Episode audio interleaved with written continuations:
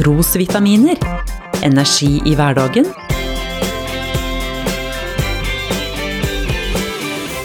Ved Norea-pastor Svein Anton Hansen. De færreste personer og ting i livet er perfekte.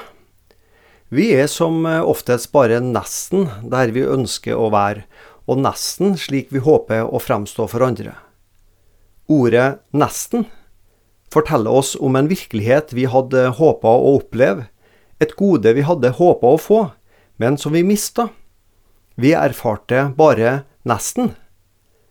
En mann ville gjerne fremstå som veltrent og sportslig, men det var lettere sagt enn gjort å sette av tid til trening. Både viljen og hverdagens mange gjøremål stritta imot det gode forsettet. Derfor måtte han, med sukk i stemmen, etter en stund innrømme. Jeg trener nesten hver dag. I går og i dag trente jeg nesten. Nesten hjelper som oftest ingenting.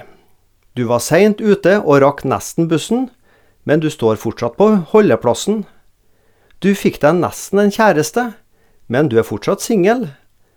Du spiste nesten frokost, men du er fortsatt sulten.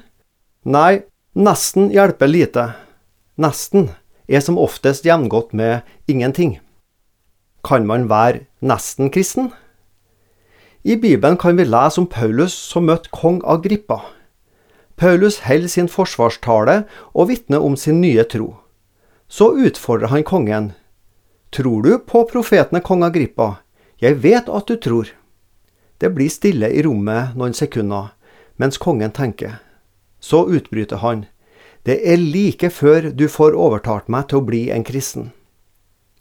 Fortsettelsen forteller oss ikke om kong Agrippa ble en kristen eller ikke. Kanskje ble det bare med nesten. Men nesten kristen betyr ikke kristen. Siste verset i salmen Nesten en kristen sier noe om alvoret ved å stoppe ved nesten. Nesten en kristen, endt høsten er. Nesten en kristen, dommen er nær. Nesten forfeilte seg Nesten ei frelste deg. Nesten var dødens vei. Nesten, men tapt. Du har lyttet til Trosvitaminer med Norea-pastor Svein Anton Hansen. Du finner trosvitaminer på noreapastoren.no.